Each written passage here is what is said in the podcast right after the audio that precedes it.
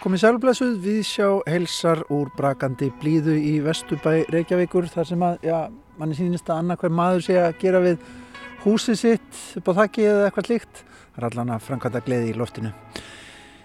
Per Ólaf Yngvist, Gerard Ríkter, Þórdi Skísladóttir, Shirley Jackson. Eitthvað svona bjóðum við upp á í Víðsjá dagsins. Já, uh, sænski reytufundurinn Per Ólaf Enqvist, hann andaðist á laugardag 85 árað aldri. Enqvist hann var uh, einn uh, þekktasti reytufundur Svíja og raunar bara Norðurlanda. Fyrir hans spannaði um það byrju halva öll, hann skrifaði skáldsögur og hann skrifaði leikrit og hann skrifaði kvikmyndahandrit. Hann var einnig mikilvirkur menningar, bladamæður, mark verðlaunaður auðvitað á sinni tíð. Við ætlum að um, ræða um uh, Per Ólaf Enqvist í þættum í dag við Pál Valsson, bókáttgefenda og bókmyndafræðing. Hann uh, kynntist Per Ólaf Enqvist á sínum tíma og þekkir auðvitað vel til verka hans meira um það í Víðsjá í dag. Þetta er líka að huga að síningu á verkum þýska listamannsins Gerhards Ríkter í Metropolitan-safninu í New York, stærsta myndlistasafni bandarækjana. En þó að safnið sér loka þessa dagana þá er hægt að kynna sér verk listamannsins á vefsíðu sapsis. Já og um, Þórtís Gísladóttir, réttöfundur, hún ætlar að senda okkur pistla hér í Víðsjá á næstu veikum og fjalla um æfisögulegt efni. Í dag þá fjallar hún um merkilega bók sem kom út árið 2016 og heitir Í myrkra herberginu in the dark room. Hún er eftir bandaríska reytöfundin og bladamannin Susan Faludi sem að skrifa þarna um föður sinn og samband þeirra. En fadur hennar hann kvarf úr lífi hennar í ára tíin og þegar þau hittust loksins aftur þá var hann búin að láta leiðrétta kynsitt, verkilegur höfundur Susan Faludi, Pulitzer veluna höfundur og já þessi bók hún var lendi á loka listanum fyrir Pulitzer velunin á sínum tíma.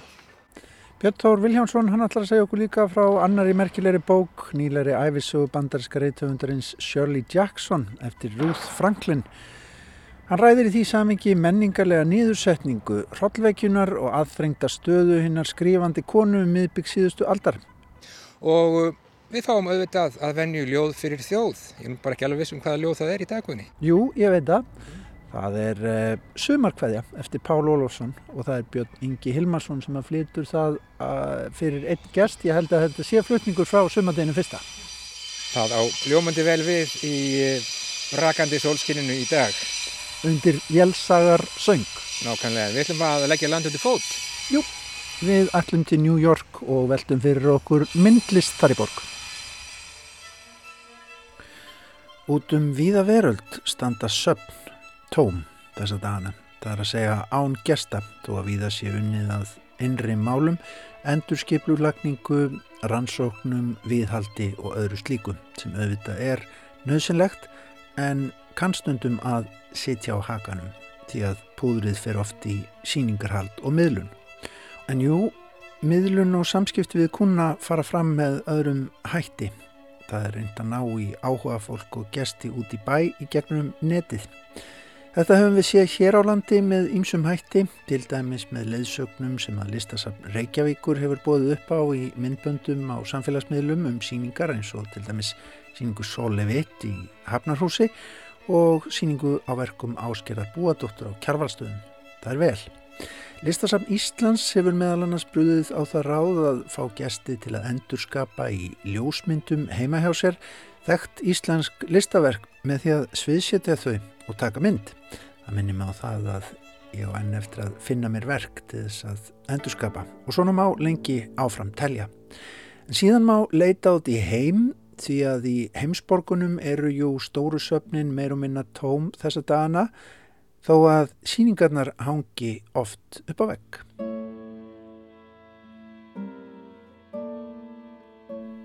Við húsnúmer 1000 á 5. breiðstræti 5th Avenue í New York stendur nú lokað stærsta listasafn bandarækjana Metropolitan Museum stopnað árið 1870 til að miðla myndlist til bandarækjamanna og fræða almenning um hana. Þangað kom tæplega 6,5 miljón gesta á síðasta ári Sapndeldirnar eru 17 talsins í sapninu og sapkosturinn er ævintýralegur, nánast ægilegur út það er farið. Það er kannski ekki rétt að segja að það er ægi öllu saman því að vissulega er haldið vel utanum sapnið en þar kennir allavega ímissa grasa. Forn egifsk list, klassísk list fornaldar, málverk frá öllum mögulegum tímaskeiðum og landsvæðum, skúltúrar, afrísk list, asísk, frá Íálfu, Bísans og Íslam. Hljóðfærasafnið er veglegt, fatnaður, ímiskonar, vopn og verjur, postulinn og silfurbúnaður og svo má lengi áfram telja. Og svo er líka, og ekki síst núna, safnastarfinu, síningarhaldi og sapkostinum miðlað á vefsíðu sapsins. Slóðin er metmuseum.org. Sýningarnar sem að má kynna sér þar nú á vefsapsins eru allt frá hollenskum málaramisturum til listar frumbyggja Ameríku. Þarna er síning um ljósmyndun á síðustu öld, síning um japansku borgina Kyoto, svo eitthvað sem nefnt, og svo síning á verkum þessam hans sem talar hér. Bin richtig Kind meiner Zeit und das war für mich immer anregender als irgendeine Meinung. Der Klappeck sagte zwar zu mir, es ist völlig egal, was man malt. Wenn man ein Leben lang einen Hammer malt, als Beispiel, dann wird das auch berühmt. Und ich misstraue der Sache. Es ist auch ein bisschen langweilig, bei, so bei der Sache zu bleiben. Ich fand es spannender. Ich bin auch unsicherer. Man muss eine gewisse Unsicherheit haben und Ratlosigkeit. Was ist denn, was, was tue ich, was kann ich tun? Und so kam es dazu. Þetta ágætu lustendur er rödd þíska listmálarans Gerhards Ríkter sem hér er tekinn tali af danska Louisiana-safninu í nokkur ára gömlu myndbandi og er þar að ræða evan sem að fylgir því að gera listaverk það skapandi óöryggi sem að listamunnum er mikilvægt að rækta með sér og sætta sig bara við, láta kannski um faðma sig. Hvenar er listamæður alveg vissum hvað hann er að gera? Aldrei, segir Gerard Richter, sem samt er einhver allra vinsalegasti listamæður undanfarana ára, verk hans seljast á svimandi uppaðir. Og í Metropolitansafninu í New York er einmitt uppi núna stór yfirlitsýning á verkum Gerhards Ríkter sem að bara er hægt að skoða nú með ymsum hætti, sal fyrir sal, verk fyrir verk á heimasíðunni hjá safninu metmuseum.org. Sýningin er uppi núna, reyndar ekki í aðalsafninu við miðgarð, heldur í Matt Breuer nýri byggingu, ekki þar langt frá. Þánga fyrir auðvitað engin inn en netið kemur til bjargar. Gerard Ríkter er af mörgum talin einn mikilvægasti listamæður Þýskalands á síðarhluta 20. aldar og jáfnframt einn mikilvægasti listmálari heimslistarinnar á undanförnum áratugum. Ferillin er langur, einhverjir sex áratugir eða svo. Fættur árið 1932 í Dresden var Gerard Ríkter íveð of ungur til að detta beintin í Hitlers æskuna á sínum tíma en hann var þó skráður í enn yngri deildina Deutsches Jungfolk en í verkum sínum að loknu háskólanámi eftir stríðið í myndlist ekki síst í ljósmyndaverkum sínum var Ríkter meðal allra fyrstu listamanna Þýskalands til að yrða á hérna dökku fortíð sem að sveipaði þjóðlífið allt eftir heimstyrjöldana síðari. Sem ansvar við sósjálrealisma sem ætlað var að ríkja, samkvæmt skipun austan frá Moskvu, tók Ríkter á samt Sigmar Polke og fleiri listamennum þátt í að skapa stefnuna kapitalískan realisma sem var eins konar andlist undir áhrifum auglýsingamennsku á þeim tíma. Verkasapn Gerard Ríkter er gríðalegt og hefur þróast í ymsar áttir. Hann vinnur mikið í serjum. Hann er abstrakt, stundum, figuratífur, inn á milli, fræg eru til dæmis ljósmyndamálverkin hans sem oft á tíðum voru málverk þar sem að fyrirmyndin kom af ljósmynd nema hvaða allt var eins og óskýrt eins og í móðum. Vísanir í listasöguna skutu oft upp kolli í verkum hans, nakin kona gekk niður stega, kontur sætlu blessaður Marcel Duchamp og landslagsverkin vísuðu í romantíska arkitýpu þýskrar málarlistar Kaspar David Frídrik.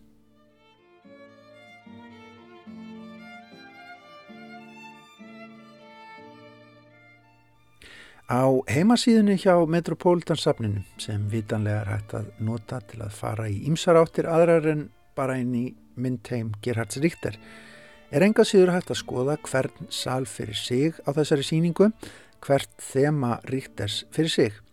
Þarna eru abstraktverk frá ymsum tímum, ljósmyndaverk af fjölskyldu og ástvinnum listamannsins sem að sum hver hafa náð heimsfræð en önnur eru minna þekkt Þarna eru gráu seríunar svo kalluðu, fræg seria sem að ríkt er vann upp úr ljósmyndum af Bader Meinhof hriðjuverkahopnum á sínum tíma og litaskema myndirnar hans samsettar úr eintóna litaflutum sem að kallast á.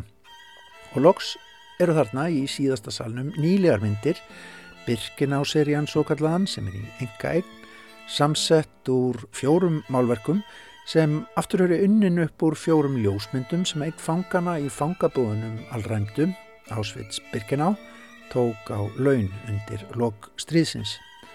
Þessi málverk eru nýleg frá árinu 2014 en byggðar á þessum ljósmyndum sem að hafa eiginlega fangað huga Gerards Ríkter allt frá sjötta áratögnum.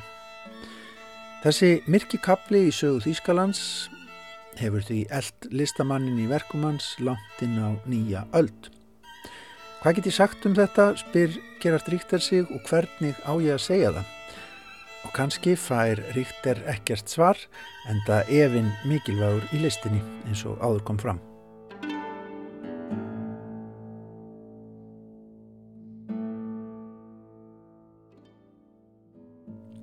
Á vefsíðu Metropolitansapsins má síðan líka sjá heimildamind í fullri lengt sem að heitir einfallega Gerard Richter Painting.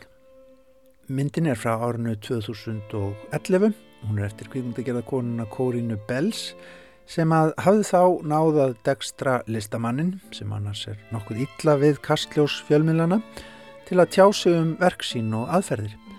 Þarna fæst forvitnileg insýn í líf og vinnu þessa listamanns sem á sér endalust margar hlýðar en hefur líka verið gaggrindur fyrir það sem sumir kalla fjöldaframleðslu. Eitt er víst að myndirnar hans Gerards Ríkter seljast enn fyrir heiminn háar upphæðir og munu eflust halda áfram að gera það. Sýningin á Metropolitansafninu í Vefheim er hins vegar alveg þess verði að áhuga fólku myndlist kíki á hana.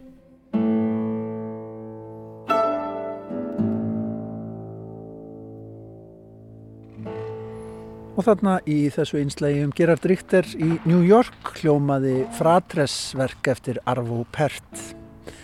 En að bók eigur? Já, við ætlum að huga næst hér í Víðsjá á þriðu degi að um, aðteglisverðri bók Þórti Skísladóttir Ríðtöfundur tekur nú við. Sumari 2004 hóf ég að rannsaka sögum mannesku sem ég þekkt ekki sérstaklega vel. Um var að ræða pappa minn. Verkefni spratt upp úr beskutilfinningu, upp úr reyði dóttur sem átti foreldri sem hafði horfið úr lífi hennar. Ég var á höttunum eftir óbermi, slægum manni sem hafði hál sem áll stungið af frá svo mörgu. Ábyrð, ást, skuldum, yðrun. Ég hóf undirbúning ákeru, sapnaði saman sönnunargögnum til að nota við réttarhöld, en einhver staðar á miðri leið breyttist saksóknarinn í vittni.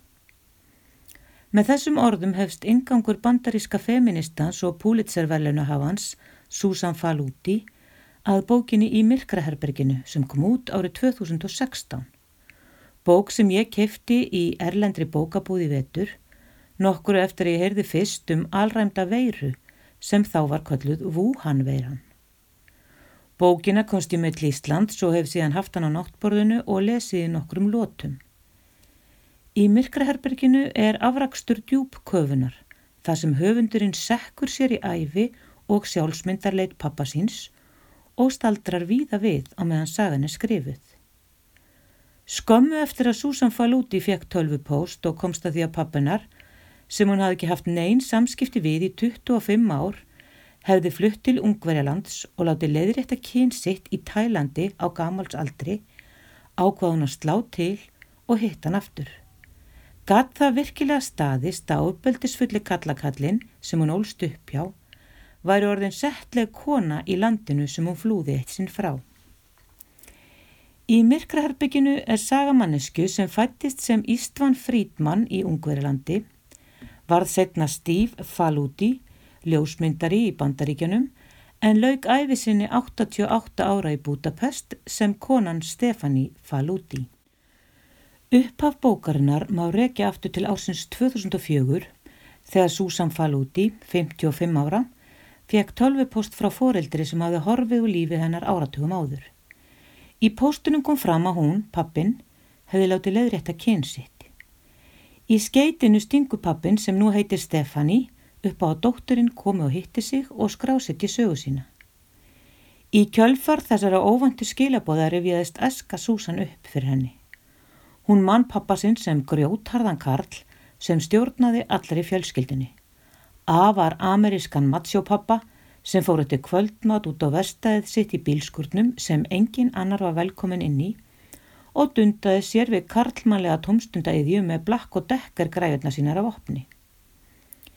Í efnislínu tölvuskeitisins til dótturinnar stóð orðið changes, breytingar. Kæra Susan, skrifaði Stefani, 77 ára gömul, til dóttur sinnar. Ég hef ákveðið mig sjálfur mér að ég hef fengið nóg af því að vera álitin árásagjart kallakall, sem ég hef í raun aldrei verið einst inni.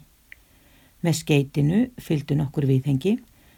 Það voru myndir sem voru teknara Stefani eftir kynleðrættinguna. Susan Faludi fylgtist tortreikni þegar hún las tölvupóstinn, en eftir umhugsun fann hún að hana langaði að hitta aftur foreldri sem sveik pappan sem nú bjó í gamla heimalandinu. Stífa Lúti hafði aldrei sagt henni neitt að ráði frá fjölskyldu sinni, asku eða úr hvaða umhverfi hann var í sprottin. Skömmu síðar flög Susan Falúti til Budapest til að hitta pappa sinn.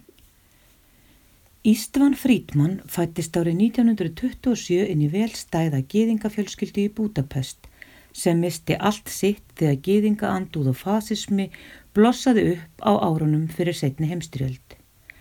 Þegar Ístvan var 17 ára gamall stal hann armborða með örvakrossi, merki ungveska fasistaflokksins, útveða sér svo bissu og bröst ógnandi inn í byggingu þar sem gýðingafjölskyldum var haldið föngnum. Þar voru foreldra hans, hann frelsaði þau, útvegaði þeim fölsuð skilriki og þannig gáttu þau leinst í mannleysri íbúði pest. Í lokstriðsins þegar Ístvan var átjánára breytt hann eftirnafni sínu í Falúti sem hún þýða Þorpsbúi á ungversku. Sem meðlumur í unglinga kvikmyndaklúpi komst hann á samt tveimur vinum sínum til Danmerkur undir því yfirskinni að þeir þurft að færa dönum nýjar ungverskar kvikmyndir. Í Danmörku dvaldu vinirnir um hríð og tókst síðan með því að breyta upplýsingum í vegabrefum sínum, sannlega gerðu þeir sig eldri en þeir voru að komast á skip sem sildi til Rio de Janeiro. Þegar þanga var komið fenguður vinnu hjá flokki ljósmyndara sem tók náttúrlífsmyndir fyrir landfræðistofnun í Brasilíu. Þannig lærði Ístvan fall út í ljósmyndun sem var það efistarfans. Að nokkrum árum liðnum fekk Ístvan vegabriðsárdundi bandaríkjana og kom einsamall til New York árið 1953. Hann legði sér herbergi á East Side og fann sér húsnæði þar sem hann sett upp myrkraherbergi og fór að vinna sem ljósmyndari fyrir auglýsingastofur á Manhattan. Árið 1957 kynntist hann Marilyn í koktelpartíi, þau giftust sex veikum síðar í synagógu og kefti sér hús rétt fyrir utan New York og egnuðist svona dóttur. Frá árinu 1960 starfaði Steve Faludi aðalega við að framkalla myndir og endurvinna þær með þeirra tíma tækni retúsera eins og það var kallað. Myndina byrtust í Vogue, Glamour, House and Garden, Vanity Fair og fleiri glanstímaritum. Hann þótti mjög færi starfi en Susan segir að sem heimilisfæðir hafum verið óþólandi. Svo vittna sér í orðinar, hann stjórnaði heimilinu með harðri hendi, við átum það sem honum fannst gott, fórum í ferðalegu staði sem hann langaði að sjá, gengum í fötum sem hann valdi, allar ákvarðanir sem teknar voru á heimilinu voru hans ákvarðanir. Í lok áttunda áratugarins krafðist Marilyn Faludi, móði Susan og eiginkona Steves skilnaðar eftir mörg ömurlega ári hjónabandi. Hún hendi kallinum út. Nokkur eftir skilnaðin bröstaninn á heimilennar þar sem hann barði nýjan kærasta fyrirvændi eiginkunnar með hafnaboltakilfu og stakk hann síðan margóft í magan með vasanýf, en sem betur fer lifiði maðurinn þetta af. Steve Faludi tókst með klækjum að sleppa við harða refsingu. Árið 1989 flutti fadir Susan Faludi til Budapest og til að gera langa sögustutta þá hafði hann árið 2004 komin á áttræðis aldur tekið upp nafni Stefani og hún gegst undir kynleðrættingar aðgerð í Tælandi. Stefani hafði lítið gert að því að koma fram sem kona fyrir kynleðrættingu. Þar sem hún hafði ekki neinn vottorð frá fagfólki um að hún stríti við kynáttunar vanda, skrifa hún sjálf vottorð sem hún saði vera frá ungverskum vinum og þurkaði tíu ár af aldrei sínum úr persónuskilríkjónum því hún óttaðist að hár aldur yrði til þess að henni yrði neitaði maðgerð. Um Þetta gekk upp og Stefani Faludi flög til Thailands með myndavélar, þrýfót, tölvu og fleira og tókst að fá starfsfólk sjúkrahúsins til að fallast á að mynda kynleðréttingaraðgerðina. Eftir aðgerð dvaldi Stefani um hríð á gistihemilinu Melanies Cocoon í Phuket á Thælandi en það er rekið af Melanie Myers frá Portland, Oregon sem einni hefur gengist undir kynleðréttingu. Gistihúsið er ekkið sérstaklega fyrir transfólk og þar dvaldi Stefani í nokkrar vikur, jafnaði sig og vingaðist við mell. Skömmu síðar hafði hún samband við dóttur sína. Í viðleikni sinni til að skilja sögu og umbreytingu föður síns ferðast Susan Faludi yfir mörg landamæri, bæði í bókstaflegum skilningi og einni sögulegum. Landamæri sem eru pólitísk, trúaleg og snúað gengerfi.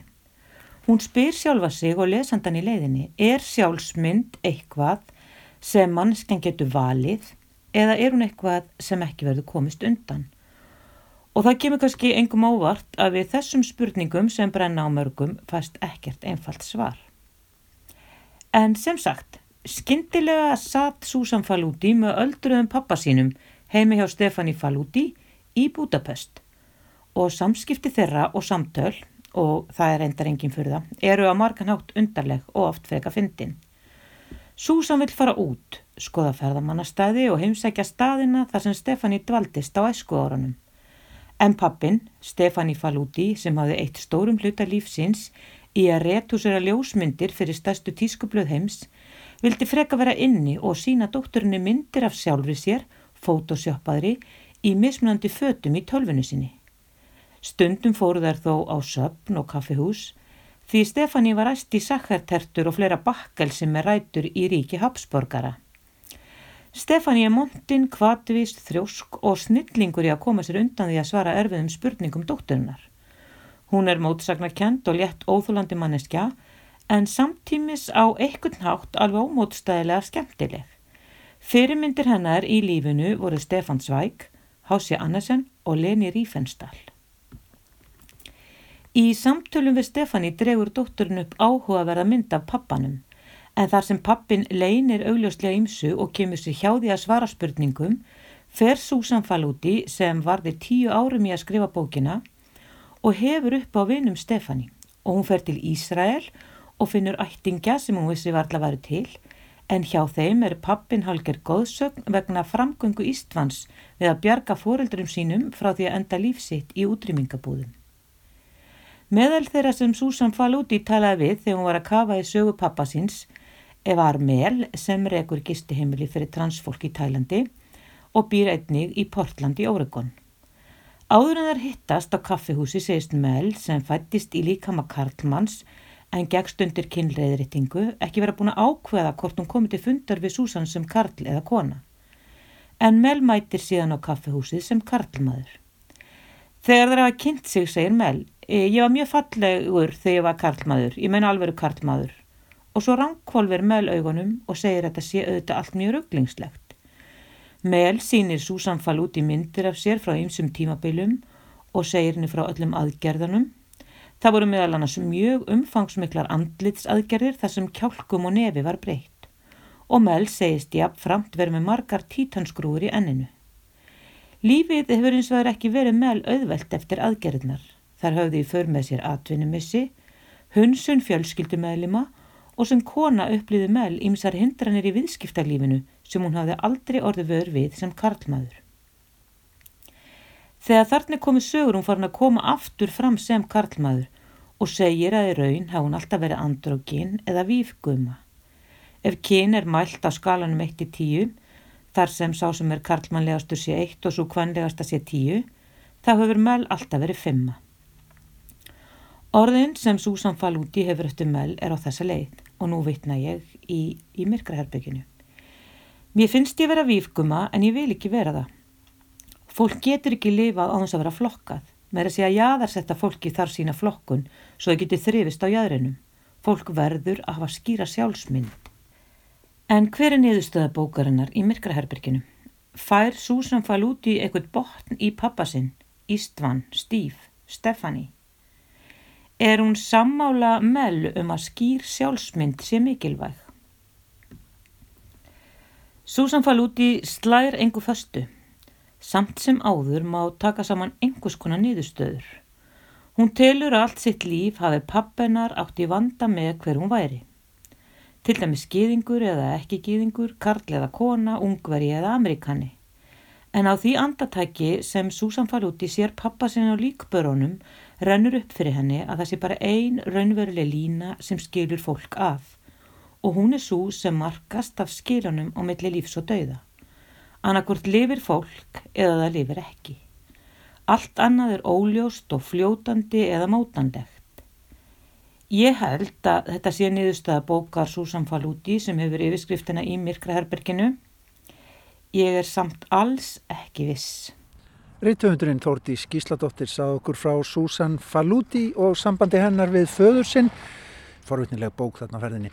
Þórtis mun segja okkur frá bókum sem hafa eiginlega beðið á náttbórun hennar bara síðustu vikur og mánuði. Hún ætlar að taka þær upp og segja okkur frá í við sjá næstu vikunar. En talandi um aðtiklisverðar bækur, það er bókahugur í okkur í dag. Björn Þór Viljámsson, hann hefur verið að lesa bók sem að já, hefur ábygglega verið lengi á náttbórunu hjá honum. Líka við skulum gefa honum orðið. Árið er 1948 og Shirley Jackson er að skrá sig inn á spítala til að eiga sitt þriðja barn. Eins og vanalega þarf að fyll út löng og undarlega litið form og innan um annað grenslast afgreðslu maðurinn fyrir um atvinnu hinnar barsafandi konu. Rittöfundur svaraði hún. Húsmóðir? Ansaði afgreðslu maðurinn spyrjandi. Nei, rittöfundur svaraði Jackson aftur, staðfust. Ég set bara niður hérna húsmóðir, segir hann og þannig laug samskiptunum. Jackson lísti atvikinu með gamansumum hætt á sínum tíma en reynslan á spítalanum byrtir með bísna skýrum hætti hversu óviðeigandi það var fyrir Jackson að skilgreina sig með hliðsjón af atvinnu, starfskrein, yðju sem greindana frá eiginkonu og móður hlutverkinu og ekki bara hvaða atvinnu sem er, bjargræðis vegur fyrstu útivinnandi kvennana voru verksmiðjur og kennslustofur sem svo breytust í skrifstofur og verslunarhúsnæði en rítöfundarnabótinni fylgdi meira en löngun til að afla sér lífsviðuværis.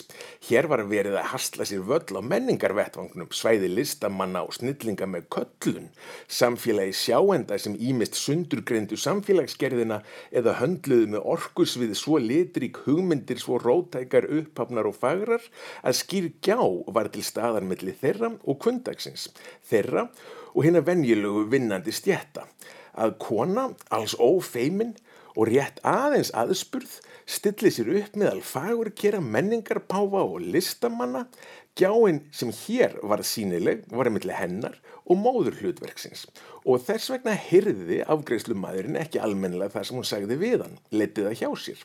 Hitt var of flókið og trublandi. Að samaskapi blasir við hversu ósamræmanleg lífshlutverkin voru sem Sjörli leitaðist við að sætta.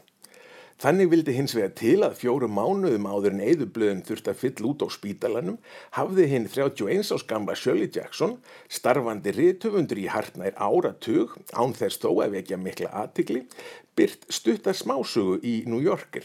Smásugu sem gerðana fræga og einni nóttu og getur talist án mikillar samkeppni svo mér dett í hug, þekktasta og viðlesnasta smásaga bandarískra 20. aldar bókmenta, The Lottery eða Hlutaveldan Fyrir forvitna þá er hér um að ræða urtekstan sem gaf af sér spektruma verkum allt frá því vikirmann til hungurleikjana. En þriðja barni fættist og allt gekk vel og áfram helt Jackson að skrifa og byrta smásugur. Um þær var slegist eftir The Lottery og sölulönin markfölduðust, bláfátækri þryggja barna móðurinni og manni hennar til mikil sléttis og líka skáltsugur og svo auðvita sjálfsæfisugurna tvær, Life Among the Savages og Raising Demons. Og bara til að halda því til haga, villimennir og demonarnir í titlunum eru sem sé börnin hennar.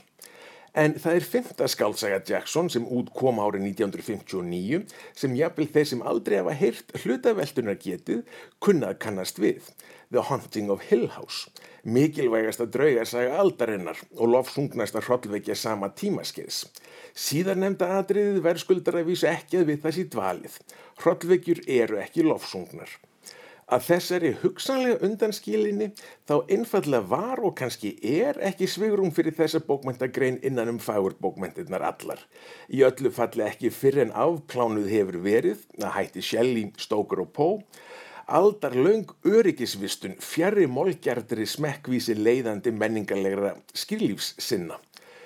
Stephen King er fyrir neðan virðingu allra alvöru gefina lesenda sem kynst hafa Proust, Joyce, Henry James og Faulkner, sagði Yale bókmentaprofessorin Harold Bloom fyrir ekki svo löngu síðan. Og svo dó hann. Það er í þessu ljósi sem ber að lesa nýlega æfisugu Jackson eftir Ruth Franklin, Shirley Jackson, A Rather Haunted Life, heitir hún. En þar gefur að líta æfisugu sem fer ekki dullt með markmið sín og ætlunaverk.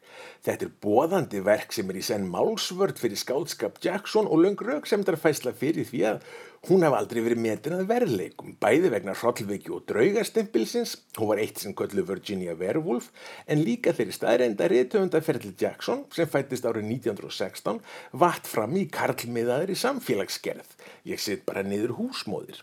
Og í karlægu bókmenta umhverfi fyrir tíma annarar bylgi feminista, fyrir tíma Dvorkin og Steinheim, meðan konur annarkvort giftust eða þrauguð æfina sem óæskilegur vélasauður höfundar ímyndin var mótið af Bellow, Roth, Updike, Mailer, alls konar körlum sem göldruðust áfram, örygjur um það því minnsta að bókmyndahefðin sem þeir vildu stíga inn í og verða hlutaf væri þegar þétt setin af körlum eins og þeim. Franklin bendir hins vegar á að á 5. og 7. áratugnum hafi þrýstingurinn sem að konum bendist komið úr öllum áttum, menningunni, fjölmiðlum, uppeldinum, skilabóð samfélagsins voru innrata um að konan ætti að afneita eigin persónalegu og vitsmunalegu áhugamálum og metnaði, auk þessum hún ætti að fella eigin sjálfsveru inni og undir sjálfsveru eigin mannsins. Nú var Jackson ekki beinlýnis neinn rauðsokka, hún giftist liðlega tvítug og gekk sæmilega heilsugar inn í hið hefðbundna eiginkonu og móðurhlutverk, en það var ekki allt. Og svo staðrind að hún var einning metnaða fullur rítufundur samræmdist illa hugmyndum tímabilsins. Það þýtti í öllu falli ekkert að afhjúpa andstöðuna. Konan varða að vera þýð, sveianleg, hóvær og helst trúa því heilsugar að starfsferillin gæti aldrei verið neitt nema ómerkilegt hobby við hliðin á henni sönnuköllun sem var móðurhlutverkið og húsmóðurslutverkið. Þennan leik leik Jackson og gerði það vel. Jackson var allatíð afskaplega séð þegar samskipti við fjölmiðla kom. Svo dæmis í tekið talað hún í viðtölum sjálfa sig alltaf niður sagðist lifa fyrir fjölskylduna og pára þegar ekkert annað betra væri að gera. Ekki hún hefði mikla trú á réttstörfum, þetta væri hálf óraunveruleg yðja fyrir konu og svo framvegis. Þetta aðkrefta hlutskipti að halda mörgum hlutum á loft í einu, eiginkonu hlutverkinum, móður hlutverkinum, sjá um heimilið og börnin og að vera réttufundur í fremstu röð, þetta voru ósamræmanleg hlutverk. Þverstæðunar voru yfirþyrmandi. Það var eins og markmið feðraveldisins væri að gera konur geðveikar, segir æfusugurritari Jackson. Þeim var sagt að fullkomnun hins hafmyggjusama lífs fyrir konur væri að skiptum blegjur, þrýfa og elda fyrir karlinn, ekki með því að rækta hugðarefni sín, sækja sér mentun, ná árangri á sínu kjörnarsviði og vera sjálfstæðar. Og ávarp hugmyndafræðinar var svo kraftmikið að einstu ángar sálartittusins voru gegn sýrðir. En þegar viðjum hugmyndafræðinar var kastað og konan haslaði sér völl á einhverju sviði þjóðfélagsins, fekk hún allt og alla upp á móti sér. Ástand þetta, sagði Betty Friedan í The Feminine Mystique, líkist viðvarandi geðrófi að horfast í augu við það að manns tilvist sé bundin á klafa kyns að vera neitt til að laga sig að samfélagslega smíðum skapalónum kynferðis og ásættanlegrar kvenlegrar hegðunar og að það skipti þá litlu þótt meðfylgjandi lífsnið og personugerð séu í augum viðkomandi reynasta anstigð. Það er engin heilbrið viðbröð möguleg anspænis þessum. Og einmitt þetta, segir Franklin, er umfjöllunar efni Jackson í öllum sínum skáldverkum. Hlutskipti hennar aðkreftu kúuðu og kengbóknum en sterku og metnaðarfullu og greindu konu. Höfundarverkið, sangkvæmt æfisugurreitarannum, er kvorki meira en í minna en hinn leinda saga, sjálf launsaga bandarísku konunar á 5. og 7. áratöknum. Þangað sækir hrollvekjan í verkum Jackson mátt sinn dreynur upp mynd af samfélagi sem virðist sniðið til að láta stóran hluta þjóðfélagsþegnana missa vitið. En það verður samt að gerast á kvenlegan hátt. Jafnvel það að ganga af göblunum var kynjað, stýrt af feðraveldinu og þess vegna er það þessi ókennilega undiralda trublunar á heimilinu, í engaríminu, í hverstagslega lífinu sem liggur eins og rauður þráður í gegnum verk Jackson. Það var Björn Tór Viljánsson sem sað okkur frá æfisögu Shirley Jackson eftir Ruth Franklin. En áfram er ykkur þá hugum við að bókmentum og bókmentafólki ekki satt? Jú, við hugum þessu næst ágætu hlustendur að merkum manni sem að hvað okkur um helgina.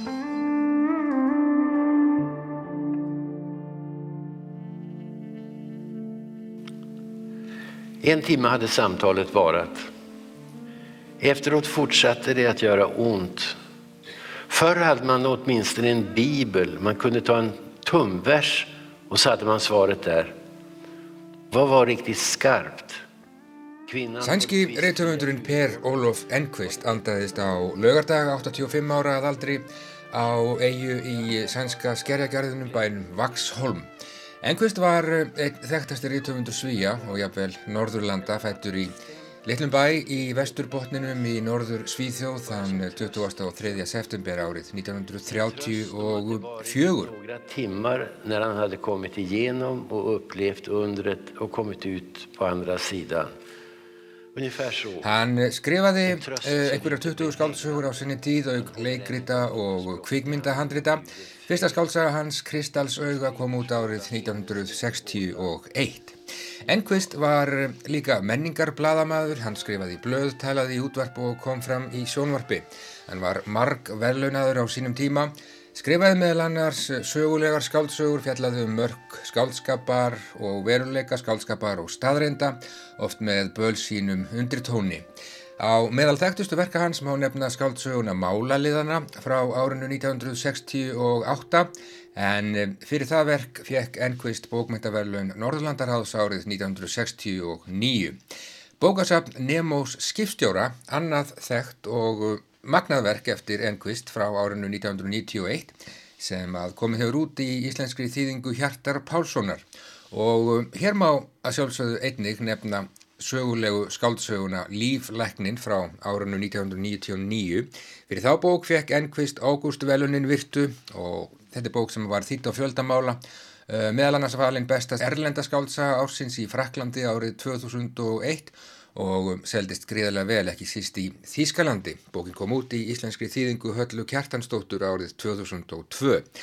Ágústvelunin hlaut engvist einnig fyrir sjálfsæfisöguna Annað líf eða Annars konar líf frá árinu 2008.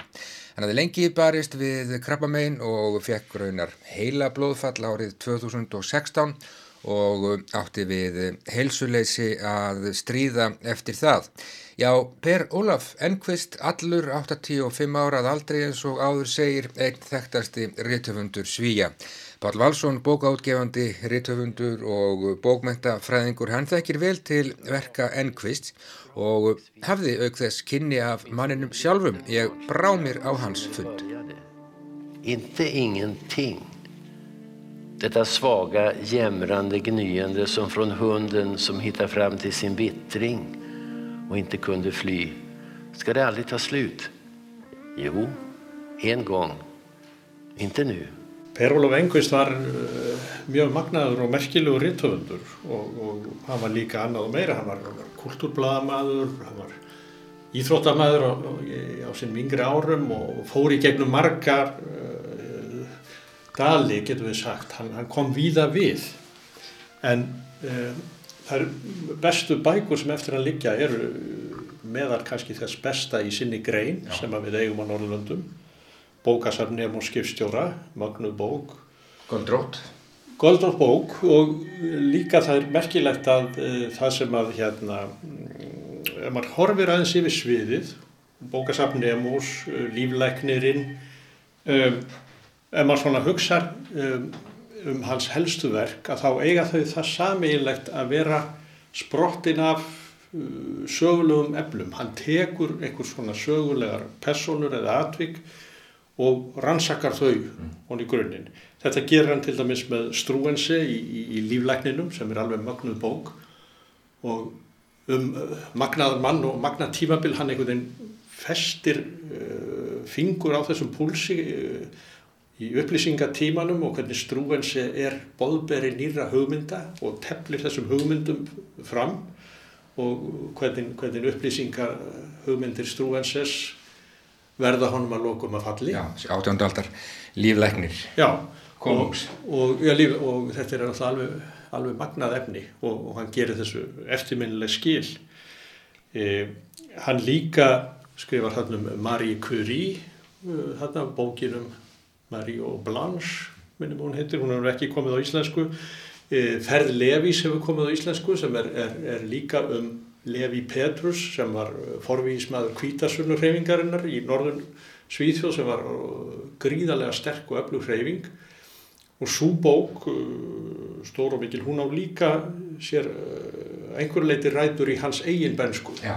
Hann hefur líst í sjálf hvernig hann var alin upp í, í, í bókstafstrú mm -hmm. þar sem allt var bannað sem var skemmtilegt og eina afþreykir var að fara í, fara í kirkju. Já og, og það ber, ber að lesa þetta svolítið með, með hann í hug. Já. Han håller än en gång notesblocket i handen och bjuder fred. Öppnar skrivbordslådan, innesluter gåtan. Nog av. Sko hann var eh, jáskrifaði skáldsögur og leikrit og, og var auðvitað bladamæður líka þjóðfélagsrýnir, talaði í sjónvarp og, útvarp. Hann kannski vekur svona fyrst alþjóðlega aðtekli þarna 68-69 þegar að Uh, þessi bók Málaliðarnir uh, kemur út og fyrir hann að færa hann í bókmyndavelun Norðurlandar að þú segja sætt Jú og, svo, og hérna svo fekk hann Ágúst Prísett sem er svona virtustu bókmyndavelun Svíþjóðar í tvígang Já. Og í setnarskipti fyrir, fyrir fyrra bindi endurminninga sína sem er alveg magnuð bók. Já, annað líf. Annað líf, annað líf.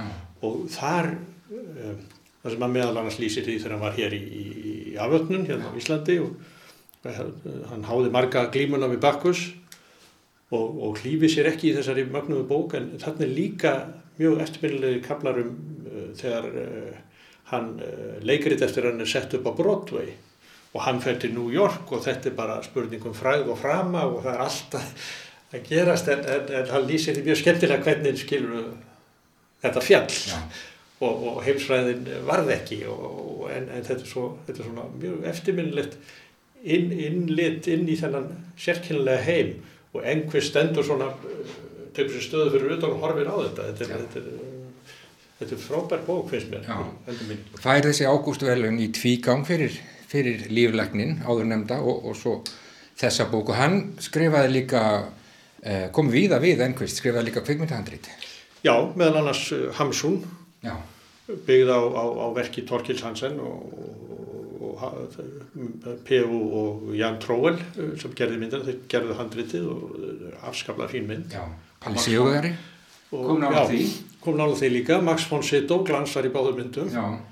Eh, en einhvers er líka ég kynntist honum aðeins. Hann, hann kom hérna 2003 á bókmyndláttíð mikill heiðus og sóma maður og ég var svolítið, ég var svona gæskjafi hans þannig að ég var aðeins með hann og þá var líka ungur réttöndum með því för, Mikael Niemi sem þá hafi skrifað bókina Rokkaði Vittula sem var feikilugur uh, success í Svíþjóð og, og það var svo skemmtilegt samspil þeirra á milli, þeir voru svona engvist var svona aðeins að, að stríða Mikael en mjög góðlátlega og hvetjandi dáða til dæmis í manna við fórum aðeins út og veitingastað og svona. Og þá var eh, einhvers mikið að segja jájá Mikael, nú ert þú nú komið til Íslands og þú verður nú að fara og djamma svolítið. Og, og Mikael sem var svona ungur og líka ofinn og skemmtilegu maður hann, hann svona, já, leið, leið mjög upp til P.O. og já, þú segir það, já, já, ég vil líklega taka þig á orðinu og það var svona mjög eftirmyndið, þetta var ósalega gaman að umgangast það og, og með P.O. var svo gaman að kann talað eh, við hann um eiginlega hvað eina. Menningarmál, samfélagsmál fótbolta. Alls það var hann vel heima. Skemmtilegu maður. Mjög skemmtilegur og mjög svona hlýr humanisti myndi jag vilja säga. Han var ja. såna, man, man skinjade såna välvilt från ja. ja, men det är väl ungefär samma sak tror jag. Det, det blev lite bråk i Sverige om det där. De tyckte kanske att det var, det är Velasquez från 1646, eh, en utsnitt ur en målning och man kanske tror att gamla klassiska målningar inte är manschauvinistiska, men den där utsnittet är det. Men helt och hållet, helt och hållet min, eh, mitt fel. För att eh, jag var förlaget att man skulle vara någonting som gestaltade en 15-årig pojkes hela värld. Och de hittade där och jag tyckte att det var precis... Það var ekki mikið verið þýtt eftir ennkvist á íslensku, jú, bókasafn Nemo skipstjóra, hún kom út í íslenski þýðingu Hjartar Pálssonar í byrjun tíunda áratugar síðustu aldar, líflæknirinn, hún hefur verið þýtt og eins og hún nefnir uh, För Levís og leikrit hafa jú verið syngt hér uh, meðal annars eitt hans þekktasta leikrit sem að fjallar um Strindberg ekki satt, annað leikrit sem heitir Ár eða stund gaupunar Já og líka úr lífi ánamaðkana hérna það ekki sem er um Hási Andersen? Ég, ég sá þá síningu hérna nýri í yðn og fyrir mörgum áratöðum Þorstin Gunnarsson leik Hási Andersen, þetta er óglemalegt, þetta var mjög flott Já. leikrit Já. og magnað Já. og sínir aftur þetta sem við vorum að ræða um einhvers, að hann, hann, hann tekur fyrir einhverja sögulega personur og einhver svona kvörf í þeirra lífi og, og kasta sér þar inn. Já, það er hans styrkur. Það er hans styrkur. Um, hans svona staða bara í sænskum bókmyndum sem sem reytaföndur það voru nú sett á lakirnar verðlun sem eru kent við hann árið 2004 og Já, okkar maður Jón Kalman Stefánsson, hann fekk þau fyrir skáldsöguna Himnaríki og Helviti á, á sínum tíma en svona e, staða og stærð ennvist í, í Svíþjóð. Gríðarlega stór og þessi velun sínaði ég við, við komum aðeins, e, Mála menning var þá útgefandi ennvist og við, við tókum aðeins þátt í að koma þess á laginnar og þá var það þannig að menn ákveði, já hvernig getum við nú heiðrat P.O. ennvist? Mm -hmm. Jú, við skulum reyna að styðja með bakið og ungum efnilegum höfundum. Já. Það er í hans anda. Mm -hmm og, og það var svona fallegt. En hann er hafði gríðarlega stærð bæði áhrif og svo, svo virðing. Lögð mikill að virðingar mann fann það, til dæmis að ég bjó í Svíþjóða að þegar hann tók til máls að þá, þá hlustuðu en þessi merki Rittvöndu Per Ólof uh, Enqvist hann er allur andaðist á laugardag 8-10 og 5 ára gamall og menn minnast hans að sjálfsögðum í, í miðlum uh, víða um heim einhver þekktasti Rittvundur, já, Svíja og ég vil bara Norðurlandana. Takk Paul Valsson fyrir að revja með mér upp feril. Enquist, takk. De första frågorna barnet ställde var de svåraste. Vem vaggar norrskenet? Vad är evigheten? Vem faller snön? Vem rör solen? Vem skapar katten? Vad är döden? Vad är en människa? Varför finns jag? Sedan upphörde barnet att ställa de första frågorna. Då förstelnades barnet fastän det levde. Långt senare började han fråga igen, nästan när det var för sent. Samma frågor. Varför? Varför i helvete? Då återuppstod barnet från de döda. Ja, så. Tack.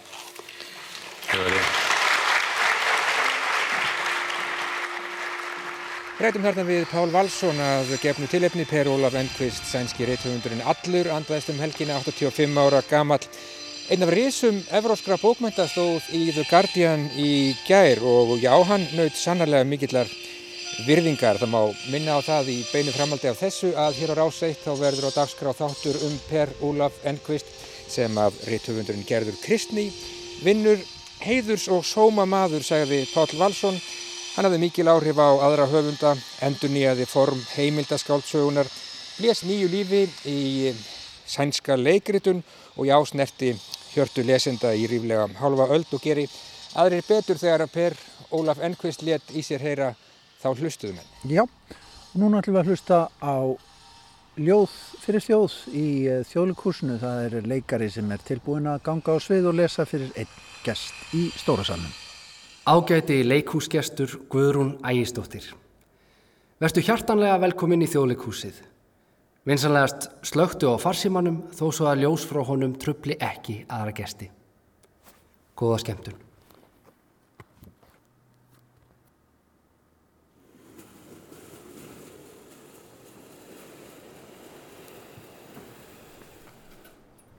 Sæl Guðrún og gleðilegt sumar. Mér langar til að flytja fyrir því ljóðið Sumarkveðja eftir Pál Ólafsson. Ó blessuð verdu sumarsól, er sveipar gulli dal og hól og gillir fjöllin heimin há og heiðar vötnin blá. Nú fossar lækir unnir ár sér una við þitt gilda hár. Nú fellur heitur hattur þinn á hvíta jökulkinn. Þú klæðir allt í gull og glans. Þú glæðir allar vonir manns og hvar sem tárin kvika á kinn, þau kissir geislinn þinn. Þú fyllir dalinn fugglasöng, nú finnast ekki dægurinn löng og heim í sveitir sendur þú æ úr söðri hlýjan blæ. Þú frjófgar, gleður, fæðir allt, um fjöll og dali og klæðir allt. Og gangir þau undir, gerist kallt, þá grætur þig líka allt. Ó blessuð vertu sumar sól, er sveipar gulli dal og hól. Og gillir fjöllin heimin há og heiðar vötnin blá.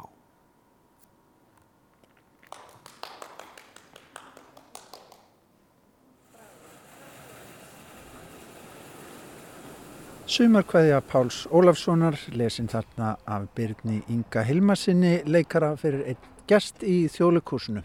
En svona getur hlustundur ætlu að ljúka við sjá í dag. Já, vel við hæfið að ljúka þættinum nákvæmlega svona hér í þessari fallegu blíðu hér í Vesturbæði Reykjavíkur. Það er ekkert sem að tröfla okkur nema bara einhverjir yðnaðamenn hérna frá þakki. Já, ein vélsög eða svo. Já, við heyrum ekki fuglasöngin. En svona ljúkum við sjá í dag og getur hlustundur. Verðið sæl. Verðið sæl.